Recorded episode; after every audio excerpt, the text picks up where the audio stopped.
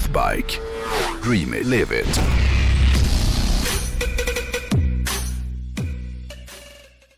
Premiär för Dealen med hojen. Oh! lilla, mitt lilla motorcykelsegment. Oj, oj. Ja. Jag är väldigt uppspelt över att du ska, ska, ska komma an in och, ja. och, och, eh, som en vikarie nästan. Ja, vikarie är väl ett bra ord för som vikarie då kan man tillåta sig att vara lite roligare än den ordinarie Ja, just läraren. det. Ja, man liksom. fick rita lite. Så. Ja, Ja, det exakt. ska bli jättekul det, att höra. Det, det här blir som Att- att du tar dig an det här den här veckan. Fria timmen. Ja. Ja. I avsnitt 208 då pratade jag om filmbilar och, och var på nå- något sätt som, som kännetecknade då en filmbil. Och det handlade ju om att få till några utmärkande drag, en tydlig färg och att de skulle upplevas som en karaktär i sig själv. Mm. Och de bästa filmbilarna i historien har ju liksom egna namn som General Lee och Herbie och Bluesmobile och, Ja, och sådär. Men den här veckan så tänkte jag titta på de allra mest kända och kanske mest ikoniska filmmotorcyklarna. Oh, spännande. Ja. Och, och jag vill också förtydliga att, att det här är min lista. Så Ja. att alla som har synpunkter kan hålla dem för sig själva. Då är det bara sitt ner i klassen, Ja. håll klaffen. Ja, just det. Mm. Vikarien har ordet. Ja. Ja. Vi börjar på tionde plats. I James Bond-filmen eh, Quantum of Solace från 2008 Mm. så ser vi Daniel Craig jaga en båt som han slutligen hoppar ombord på med hjälp av sin motorcykel. Mm. Och den här hojen är ganska liten och smidig och lättkörd. Det är, en, det är en, faktiskt en otroligt ball Honda Montesa Kota 4RT Mhm. som byggdes på licens i Barcelona. Okej. Det här är ju en, en ball trackerhoj Ja, ja, ja. som, som ser otroligt skön ut. Kolla, Ja, på, kolla på hur den ser ut. Ja, där har vi den. Ja, ball. Den är skitball Ah. i sin enkelhet. Ja, Liksom. Kanske inte en ikonisk filmhoj, men det är som sagt, det är din ikoniska filmhoj. Men det som gör den här till en ikonisk filmhoj. Det är ju och att den är då unik. Mm. För det är sånt som jag väger in Ja, i min lista. det. Mm. Det är att den här motorcykeln, alltså exakt samma motorcykel, Mm. faktiskt året innan hade haft en utmärkande roll i en annan film. Jaha. Nämligen The Bourne Ultimatum. Där Matt Damon precis nästan har blivit ihjälsprängd och, och, och, och jagar då mördaren genom Tangiers gator och hoppar upp för trappor och, och så här. Det, det är samma hoj. Samma Men det är ju jätteintressant också för att det är en gammal hoj väl? Ja, det är väl en åt- 80-talare skulle jag gissa. Ah. Men, men, eh, och då är ju så här filmproduktioner, när man gör stora filmproduktioner i Europa. Ja. Då, då anlitar ju de amerikanska filmbolagen subbolag, alltså så andra filmbolag som, som förser dem med eh, liksom rekvisitan. Och när vi filmade de här filmerna för ett kasino nere i Afrika, så då var vi i en sån här filmstad i Marocko. Mm. Eh, och, och där kunde de liksom då frambringa massa, vi byggde upp en amerikansk bensinstation i de här filmerna. Eh, och då frambringade de en massa amerikanska bilar. Det var ju inte det bästa, det, det, det, hade, det hade gått lättare att hitta fina jänkare i Sverige. Men det var ändå förvånande att de i Marocko kunde skaka fram 12 stycken olika jänkare, precis de vi ville ha. Liksom. Det är förmodligen och- bilar som filmbolagen har tagit dit och sen inte "Ah, det blir dyrt att ta hem dem. Ja, för det är ju många amerikanska filmer som har spelats in i de marockanska Ja, öknarna verkligen. för att det ska se ut som USA fast billigare. Eh, Star såna- Wars såna här bland annat? B-filmer, Star Wars och, ja, och de här eh, Cleopatra eller vad fan de heter. Mm. Ja, då hade vi inte så mycket bilar i dem. Eh, Jag tänker på de här också Gladiator där vi spelade Ja, in. det. Eh, Det kommer jag prata om lite sen, Ah, Gladiator. okej, cool. Okej, ja men den var Eh, fin. Men det innebär att de här filmbolagen, då har ju de liksom en liten eh, la, eller lagerlokaler med gammal rekvisita. Och då när de spelade in Born Ultimatum i Marocko så använde de den här motorcykeln och sen när det var dags för Bond så frågade väl produktionsbolaget ja, vi behöver en sån här och sån här motorcykel. Ja, då hade de en sån Ah. som hade varit med i filmen innan då. Ja. Ja, så det är en liten kändis alltså. En liten kändis som är ball. Ja. Plats nummer nio. Ja. The Great Escape Ja, från nu börjar det låta 1963 med Steve McQueen. Och, och det här var ju på den tiden man kunde bygga en hel film på en scen. Ja. Kommer du ihåg när vi var små? Det var liksom Allting kretsade kring typ ett litet stunt. Ja. Och, och sen så var, var det det man sålde filmen Ja, på. Liksom. Men, men den här The Great Escape den bygger liksom på en, en verklig händelse. Mm. Men, men eh, alla vet ju att det, det är ju filmen när Steve McQueen hoppade över ett taggtrådsstaket när han skulle fly från ett nasse fångläger. Ja. Mm. Eh, Och hojen i fråga, det var faktiskt en Triumph TR6 Trophy. Men de hade byggt om den så att den skulle se ut som en tysk BMW R75. Mm. Ja. Också obegripligt Ja. att bygga om den. Men McQueen gjorde i stort sett alla körscener själv. Mm. Men det här mest klassiska hoppet över staketet ja, det. som är ganska lamt. Ja, men ni- du tänker på vad det var för liksom, hoj han hoppade med. Ja, men det gjordes i alla fall av hans stunt double som heter Bud Ekins. Mm, jag tror de också typ var bästa kompisar. Jag Så kan de det var vara, jättebra Ja. kompisar. Ja. Du, plats åtta. Ja. I Robocop från 1987 så åkte han ju mest omkring i en ful Ford Taurus. Mm. ja, just det. Men i uppföljaren med Joel Kinnaman från 2014 då fick han faktiskt en hoj som var ganska Mm. Välgjord futuristisk skapelse som byggde på en Kawasaki 1000. Aha. Men så hade de förlängt den och satt på framtidskåpor. Framtidskåpor. och, och, och, och ett helt annat ljud. Ja. Den får du googla. Den Ja, fulaste hojen i filmhistorien, det är ju den som Judge Dredd åker runt på. den var hemsk. Ja, Den är inte den kommer med på inte, min lista. bra. Det ser ut som en stor vattenskoter typ. Men den här är, den här är, den, ja, nu pratar vi liksom film, motor, Judge Dredd kanske skulle kunna komma in på listan i egenskap av filmmotorcykel. Men, men den här eh, kavan är ju, ser, ser futuristiskt ball ut. Ah, okej, Därför fick den vara med. men dock bara på plats åtta. Mm, På plats sju i The Matrix Reloaded från 2003. Åh, jag är så glad att den är med. Hade du inte haft med den, då hade det varit något fel på den här listan. ja, För det är en klassisk, det är en klassisk hojscen. ja, för då hoppar ju Trinity som spelas av Carrie Ann Moss. Mm. Så jävla härlig. Så jävla härlig. Ja, det är konstigt att du gillar henne. Det är lite mer min flavor. Nej, Nej. det vill jag inte påstå. Nej, okej. Mm. Men då hoppar hon i alla fall ner från en bro och landar på en långtradare Mm. som transporterar motorcyklar. Och där väljer hon sedan omsorgsfullt ut en svart Ducati 996. Det roliga med det är, förlåt att jag avbryter. Nej, du får göra. Ja, men i, I den, hon kunde ju välja vad som helst. Hon hade kunnat välja ett stridsflygplan eftersom allting var möjligt ju. Men Ja. då väljer hon den där Ducati 996. Och Det Exakt. passar så jävla bra. Ja, den gifter sig väldigt bra med hennes outfit. Ja, och hela filmen. Ja, och sen hoppar hon av långtradaren med eh, ducken då, och flyger fram mellan bilarna på motorvägen. Och den här scenen skulle sen ligga som grund för hur man spelade in jaktscener på, på film. Ah, Därför att de, det, var, det var här de för första gången i stor utsträckning använde en sån här eh, vet du det, kranbil Ah, ja, där, ja, ja. Så, så där kameran kunde liksom ligga i marknivå och, och sen det. flytta sig runt och just sånt det, där. just det. Du vet att Ducati släppte ju ett gäng sådana limited edition eh, Matrix-hojar. Några stycken sådana, exakt kopior av den hon hade i filmen. Ah, det var coolt. Jag tror också att det här var den längsta motorcykeljakten i filmhistorien. Jaha, Mm. snyggt. Och hela den här motorvägen har de ju byggt upp.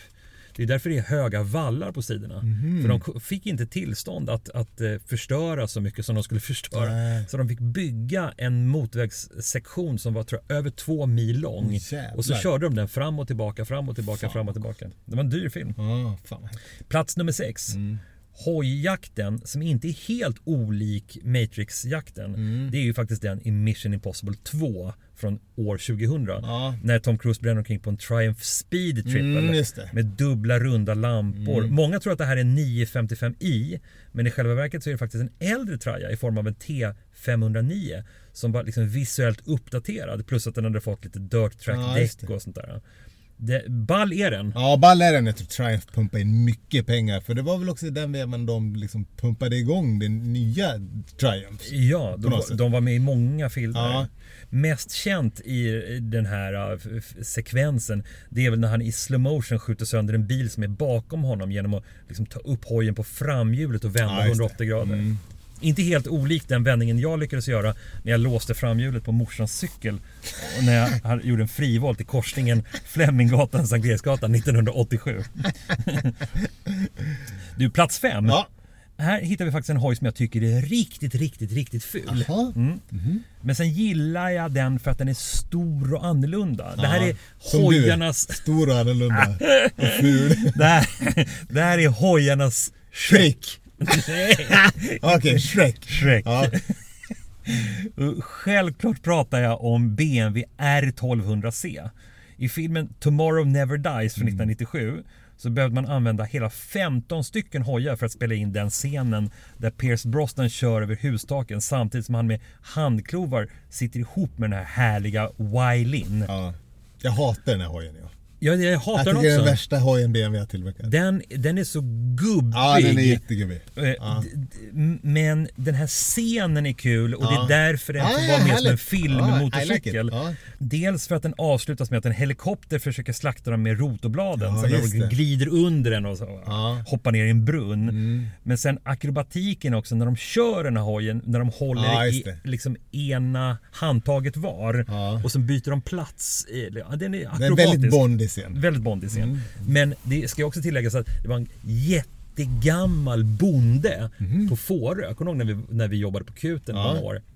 Det var en risig gammal bonde Mm. som vann på Lotto eller någonting sånt där. Och han köpte exakt en sån här motorcykel. Ah. Så han åkte Så hade han sin thailändska fru, han kloa bakpå. troligtvis. Jag gjorde samma stund i leran.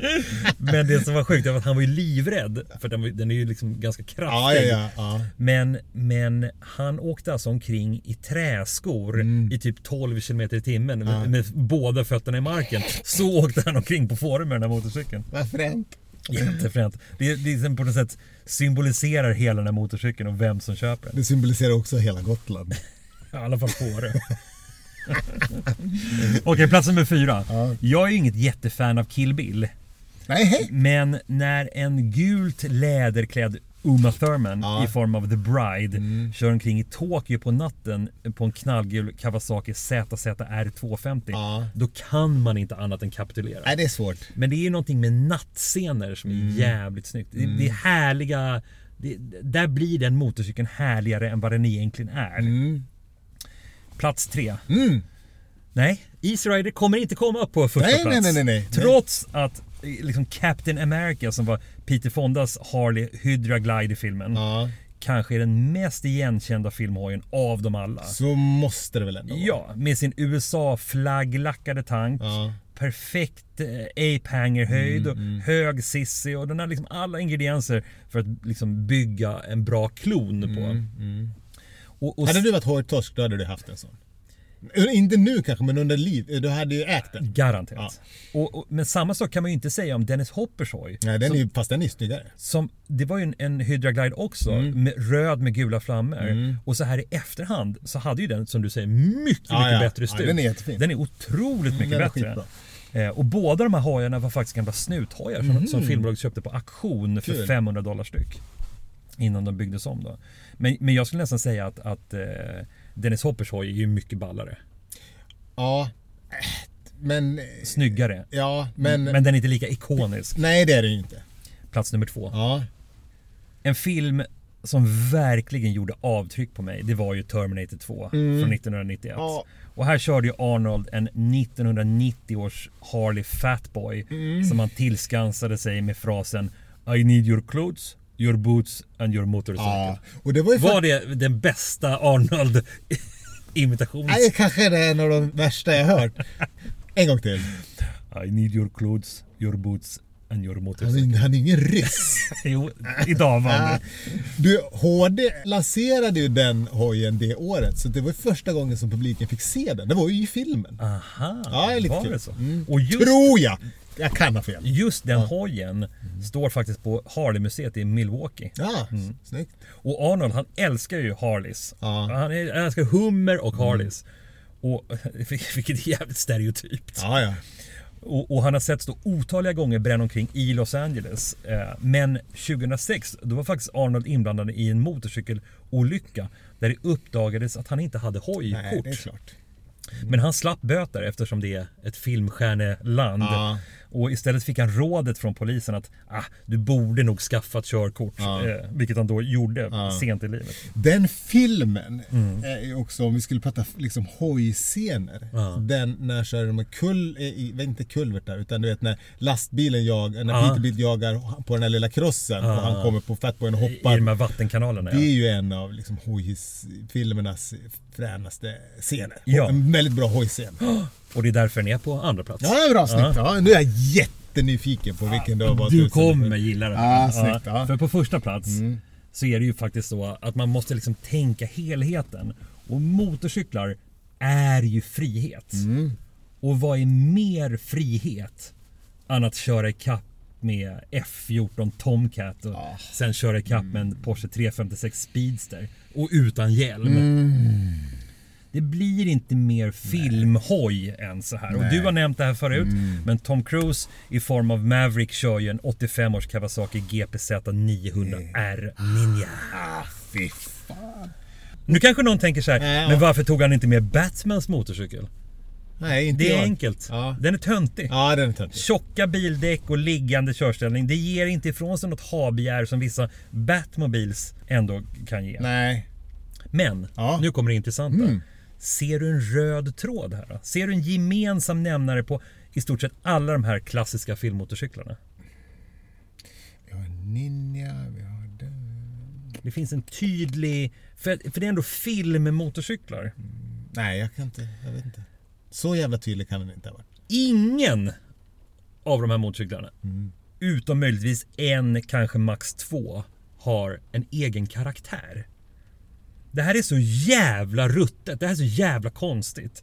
Ingen filmskapare har, med undantag då för Captain America i Easy Rider, Ja, för den är gett en filmmotorcykel ett namn och en persona. Ja, du menar så ja. Ja. Just det, som General Lee. Det du, ja, det du inledde med att prata om. Ja. just Kan det vara så att Mm. filmindustrin i stort har för dålig koll på motorcykelkulturen? Mm. Jag menar, något måste det ju bero Filmen på. Torque är ett bra eh, bevis på det. Ja, Den sämsta film som någonsin har gjorts. ja, Ja. Jag uppmanar alla att gå in på, på, på Youtube och kolla trailern på den.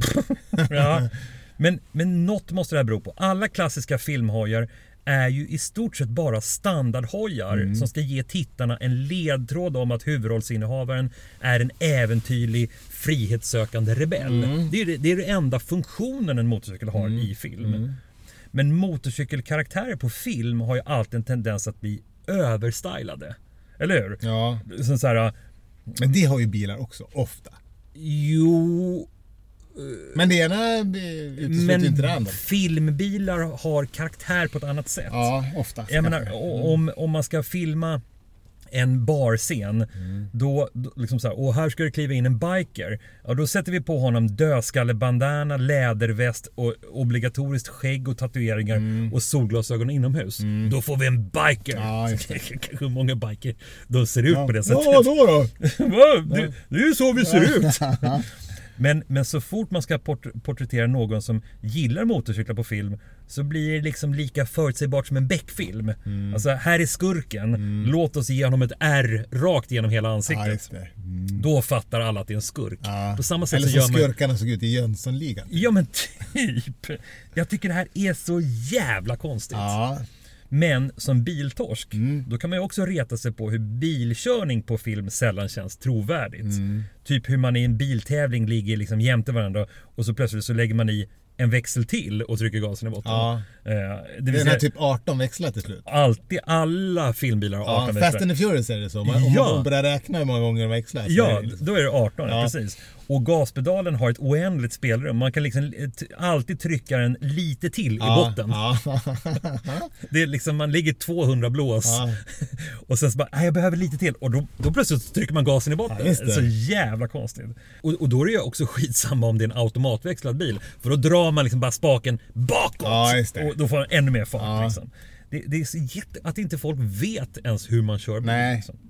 Eh, och helst ska man dra den här spaken bakåt flera gånger. Sensmoralen i det här segmentet Mm. är att motorcykelintresset över hela världen är och har alltid varit så pass stort att det är hög tid att filmskapare borde fatta det här och ta fram fler ikoniska motorcyklar. Mm. Mic drop. Ah, alltså fy fan, jag tycker du gjorde det här väldigt, väldigt bra.